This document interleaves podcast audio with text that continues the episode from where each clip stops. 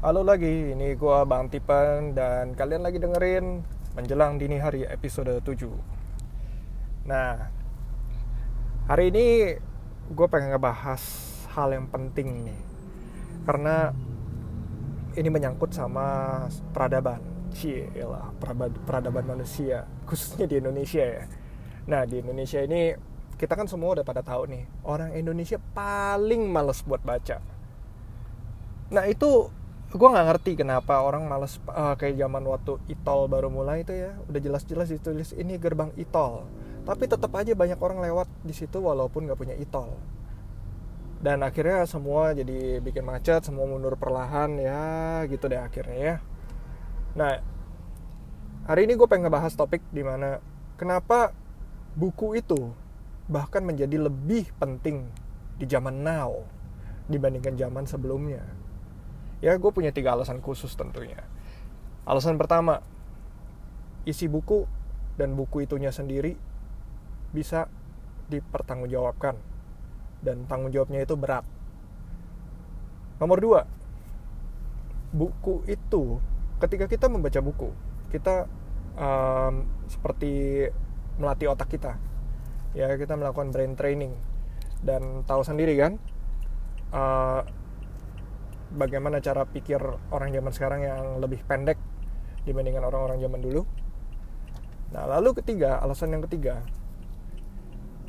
di era digital ini kita semua saling terkoneksi, ya kan? Kita semua ada dengan gadget di mana-mana, handphone, smartphone murah sudah bisa didapat gitu kan, koneksi minimal 3G sudah ada di pedesaan. Nah, tapi level edukasi masing-masing orang itu beda-beda dari zaman dulu kita udah kenal kan yang namanya buku itu adalah jendela dunia. Ya. Dan lu nggak perlu sekolah sampai bagaimana tinggi tapi kalau lu baca buku banyak dan lu praktekkan isi buku itu lu bisa lebih pintar daripada orang yang sekolah. Oke? Okay? nah yuk kita mulai bahasannya. Dan kita semua udah tahu kan kalau buku itu memang uh, sorry tulisan itu udah jadi awal dari peradaban manusia mulai dari orang di orang gua zaman berapa tahu berapa puluh ribu BC zaman dulu mereka dihidup di goa lalu mereka gambar-gambar ya mencoba gambar lalu akhirnya mulai menulis piktograf di apalagi khususnya di uh, dataran Tiongkok zaman dulu. Uh, ditemukan kan ada piktograf di di apa? Kulit penyu ya. Tempurung penyu. Di atas tempurung penyu itu dipahat piktografnya. Piktograf itu apa? Itu maksudnya kayak uh, penyampaian sesuatu yang secara tertulis atau secara terpahat gitu yang modelnya kayak sebuah sebuah gambar yang menjadi huruf paku itu sendiri akhirnya yang kita sebut huruf-huruf paku. Nah itu kanji itu dia. Itu awal mulanya dimulai dari piktograf ya huruf itu sebenarnya adalah kan uh, simbol-simbol untuk menyampaikan pesan yang dipakai buat orang zaman dulu. Sebelum adanya uh, sebelum adanya uh, komputer seperti ini kan mereka kan harus ditulis atau di apa. Dan kemajuan kemajuan literasi itu mulai dirasain semenjak Gutenberg membuat sebuah mesin print dan tahu buku apa yang merubah dunia paling pertama zaman itu? Setelah uh, percetakan itu percetakan dimulai itu adalah Alkitab. Karena kenapa? Waktu si Gutenberg itu membuat mesin itu nggak uh, mesin cetak. Itu nggak nggak banyak ya yang mau pakai gitu. Dan di zaman itu gereja-gereja di Eropa itu warga rakyat biasa tuh nggak boleh megang Alkitab. Yang boleh megang Alkitab hanyalah uh, pastor. Ya pastor Katolik. Nah si Gutenberg ketika punya mesin ini dia kan bingung dong mau bikin apa kan? Nah si ada satu orang namanya Martin Luther King yang akhirnya dia iseng dia entah gimana dia dapat kopi Alkitab dia cetak tuh dicetak Alkitabnya. Entah satu Alkitab atau cuman beberapa lembar tapi itu disebar ke umum. Itu membuat gereja marah besar pastinya.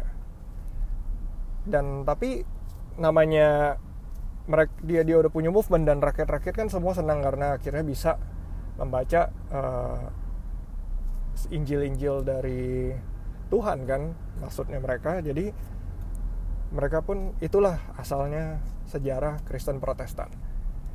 Jadi dari zaman dulu pun uh, namanya buku itu sudah merubah dunia ya termasuk dari buku yang ditulis oleh Karl Marx uh, buku mengenai komunis komunisme yang akhirnya tahu sendiri lah ya.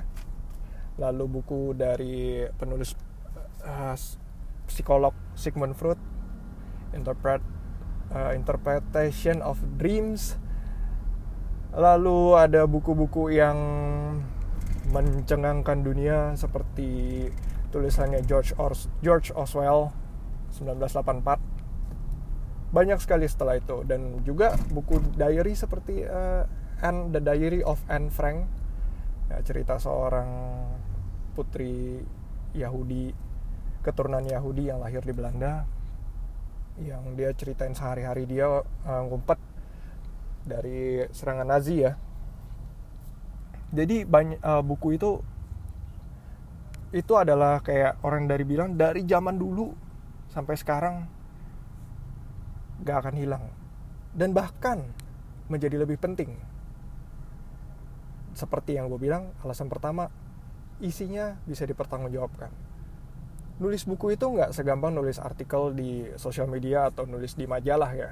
Itu cuman sekedar oh ya 5 eh, tips untuk begini 6 tips untuk begini. Ya cuman browsing-browsing oh kata si ini kata si itu that's it gitu. Cuman kalau buku itu lu benar-benar harus cari tahu apakah benar ya.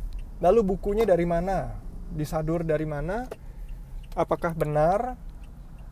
Lalu kalau misalnya ada kesalahan yang ditulis oleh penulis itu sih good luck banget men. Buku itu kan ketika udah disebar gitu ke toko buku atau ke bahkan kalau sampai pelosok-pelosok ya itu lu mau nariknya gimana ya kan? Bisa aja sih narik cuman butuh waktu butuh proses panjang. Nggak segampang kalau nulis blog post setelah ngeblog gitu nulis uh, nulis hoax gitu anggaplah ya. Setelah nulis disebar ke WA gitu entah siapa yang nulis juga nggak tahu tapi kayaknya kayaknya bener nih gitu ya tulis saya namanya siapa? Justin. Nobody knows gitu kan? Justin tuh siapa? Kayaknya nggak ada nggak ada yang uh, tahu. Sedangkan kalau misalnya tulis buku itu kan ada profil sang penulis. Juga um, proses nariknya nggak segampang pencet unpost atau delete delete chat. Ya. Makanya karena itu uh, di zaman sekarang menurut gue buku itu lebih bisa dipertanggungjawabkan isinya dan uh, ilmu pengetahuannya tentu. Dan alasan kedua yang tadi. Ketika kita membaca buku itu kita seperti lagi latihan otak brain training. Jadi otak kita itu kerjanya kan caranya uh, otak itu ada sel yang namanya neuron. Oke? Okay? jadi neuron-neuron itu uh, saling mengirimkan sinyal-sinyal listrik. Nah jarak antara satu neuron ke neuron yang lain itu kadang-kadang orang bilang kan harus uh, kadang mungkin harus muter dikit ya atau bagaimana kayak kayak di jalan aja kayak di kota gitu sistemnya. Kalau kita belajar sesuatu yang baru kalau kita melakukan uh, itu kan seperti brain training dia akan mulai membangun sebuah jaringan koneksi jembatan yang baru. Jadi mungkin tadinya dari neuron A ke neuron Z itu harus muter A B C D E F G H I J K sampai Z nanti dia akan bangun jembatan A ke Z. Jadi lebih dekat A Z. Dari sanalah kita bisa berpikir lebih cepat berpikir lebih praktis lebih instan dan tentunya ningkatin intelijen kita. Juga kalau kita baca novel lah ya. Anggaplah kita membaca novel. Kita baca novel buku itu sang penulis itu harus um, pinter merangkai kata-kata untuk menjelaskan sebuah situasi tanpa membuat kita tuh merasa bosan. Ya dia jelasin karakternya bagaimana dia jelasin dunianya bagaimana misalnya kalau kita baca di artikel uh, hari ini saya bangun di kota Bogor uh, cuaca yang mendung sangat enak dengan angin yang semilir yang uh, menyejukkan hati juga karena suasana di pedesaan ini sangat tenang dibandingkan suasana kota Jakarta yang sangat hiruk pikuk. Itu kan kalau kita baca di majalah biasanya ya. Tapi kalau kita baca di buku mungkin saya bisa begini. Hari ini saya bangun di kota Bogor. Awan mendung sudah menghiasi kota yang yang dikenal dengan kota hujan ini. Uh, percikan-percikan air hujan sudah mulai perlahan turun. Mengingatkan saya uh, ke suatu ketika ibu saya pernah berkata, "Jikalau kamu suatu hari tiba di kota Bogor, bla bla bla bla bla." Ini menyejukkan hati saya. Apalagi ini hanyalah saat yang singkat untuk saya cuti dari pekerjaan saya sehari-hari yang sangat melelahkan, sangat uh, menjenuhkan dengan kemacetan yang ada di Jakarta, penuh dengan asap, suasana bising di mana-mana. Di Bogor ini saya merasakan ketenangan tiada tara. Bunyi angin yang melewati setiap pohonnya, bunyi jangkrik, ya kayak gitulah. You, you got the idea, oke? Okay? Jadi kita seperti dan ketika kita membaca buku cerita seperti itu kita tuh kayak lagi dibawa untuk uh, ke dalam dunia buku itu itu mengapa bukunya J.K. Rowling Harry Potter itu menjadi bestseller juga kan karena kan dia bisa mendescribe sebuah dunia fantasi dan uh, Harry Potter yang sangat relatable dengan kita gitu makanya kenapa buku Harry Potter itu bisa sangat populer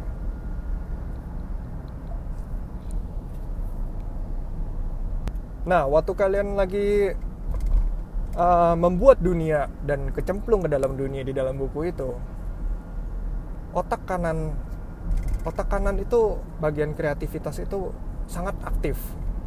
Jadi tentunya setelah kita selesai membaca buku jangan kan selesai. Kalau kita sering membaca buku kita latihan lama kelamaan otak kita otak kanan kita akan terasa. Dan itu berarti otak kreativitas kita akan semakin tajam insting linguistik dan uh, seni dan hal-hal yang berbau tidak tidak uh, fakta dan aktual lah. Jadi kita lebih bisa merasakan kita lebih bisa merasa empati dan lebih bisa apa ya lebih bisa membayangkan lah. Oke. Okay. nah lalu alasan ketiga. Ketiga itu begini dari zaman dulu sampai sekarang sekarang udah mulai mendingan. Dari zaman dulu namanya pendidikan itu kesetaraan pendidikan di Indonesia itu nggak pernah rata. Oke itu the hard truth the real fact di mana kita ini kota-kota besar tinggal itu tuh nggak terlalu berasa domplangnya atau bagaimana. Tapi ketika kita masuk ke desa-desa itu berasa bagaimana um, ya namanya gaji guru honorer mau seberapa sih ya kan? Nggak gitu banyak orang yang punya suatu jiwa jiwa mengabdi untuk mengajar murid tanpa bayaran gitu. Mereka kan juga butuh mereka juga butuh makan ya kita ngerti aja ya oke? Okay? jadi otomatis uh, level pendidikannya tuh lain sekali dibandingkan orang-orang di daerah. Nah bayangin kalau misalnya satu hoax yang tertulis lalu disebar begitu aja ya. Kita yang tinggal di Jakarta waktu kemarin ada kasus hoax aja itu kan banyak beredar dan bahkan untuk level kota besar aja kita masih banyak yang kena sama hoax. Karena uh, daya fact checking masyarakat itu masih rendah. Bayangin di daerah di mana untuk mendapatkan uh, source berita itu nggak segampang kita ya. Jadi ya mereka percaya misalnya media ngomong apa ya berarti itu benar gitu. Atau enggak misalnya oh baca di WA oh my god itu benar gitu. Ternyata uh, UFO kemarin kelihatan gitu kan. Jadi makanya uh, walaupun mungkin sekolah pendidikan dan uh, guru-guru uh, masih kurang apa ya kurang ngajarnya kurang gimana ngomongnya ya gue ya secara lebih enak gitu. Kurang oke okay lah ya walaupun ajarannya kurang oke okay, tapi kalau lu baca buku ya lu bisa aja nyerap semua uh, ya nggak semua lah ya tapi setidaknya lu bisa belajar hal-hal baru yang ada di buku itu ibarat jadi guru bagi diri sendiri. Dan tahu kan ya zaman dulu cara untuk membuat ya kenapa banyak zaman dulu banyak orang bodoh dan nggak terpelajari karena mereka nggak bisa nggak bisa membaca. Dan membaca adalah salah satu cara komunikasi yang efektif ya. Um, walaupun ada kelemahan-kelemahan dari buku cuman dari situlah kita juga bisa uh, belajar banyak um, ini podcast ini gila udah sampai 16 menit so gue selesain dulu di sini ya kalau ada kesempatan, oke, okay, boleh stop podcast ini dan langsung cari buku terdekat baca. Oke, okay, baca ulang juga nggak masalah karena pembacaan ulang itu seperti pengukuhan. Cilah pengukuhan. Ya karena kan lu bisa nyerap lebih banyak. Uh, ada orang yang bilang, bukan orang yang bilang, memang benar orang yang bilang, cuman maksudnya gue lupa itu siapa. Jadi kita tuh hanya menyerap kita ketika kita membaca buku, buku mau itu buku self help, advice atau how to ya, atau business books, kita hanya menyerap 10% dari buku itu di pertama kali membaca. Jadi kalau misalnya lu kedua kali membaca atau ketiga kali, itu kita akan lebih lebih pay attention, lebih perhatian untuk apalagi yang uh, oh ini ternyata ada ini gitu. Yang kemarin ternyata gue skip kelewat ngebacanya. Makanya nggak masalah dan itu bahkan lebih bagus kalau kita bisa ngebaca uh, berulang kali dari satu buku. Dan seperti biasa um, share this podcast with your friends and families. Uh, eh, gue sangat berterima kasih dan support podcaster lokal dengerin di SoundCloud di situ juga banyak oke okay? ada banyak podcaster-podcaster lokal yang sharing konten-konten menarik buat kalian. Ada yang penuh dengan bercandaan, ada yang ngebahas ide-ide gila, ada juga yang nge-review film, nge-review buku dan ya banyak lah ada yang cerita-cerita pengalaman hidup juga. So there's a lot of stuff for everyone, I believe. Ya, jadi cek aja ya, bisa cari kok misalnya Indonesia atau podcast Indonesia. Banyak yang asik-asik dan kalau mau nyari gue bisa di Twitter dan Instagram di @bangtipen @b-a-n-g-t-i-p-e-n dan email di menjelang dini hari at outlook.com. Uh, tell me what you think, uh, give me feedbacks. Um, gue dengan senang hati untuk terima feedback. Uh, gue nyoba untuk untuk ngomong yang lebih uh, format yang lebih terstruktur kali ini. Jadi kalau misalnya kalian suka seperti ini, let me know. Nah, karena kemarin gue dapat feedback dari orang dekat lah dari istri gue kalau dia ah gila lu ngomong kelamaan. Oke okay lah. Jadi gue ngomong lebih singkat lebih padat lebih cepat lebih jelas. Isinya tersampaikan lebih cepat. Walaupun masih ada beberapa jeda-jeda kosong karena gue kan sambil bawa mobil recordingnya so hopefully you guys understand. Um, tell me uh, speak to me. I'm very friendly gue nggak gigit. Paling cuman paling cuman di apa? Udahlah lupain aja. Gue lagi nggak bisa ngejok oke okay, see you tomorrow dan bye bye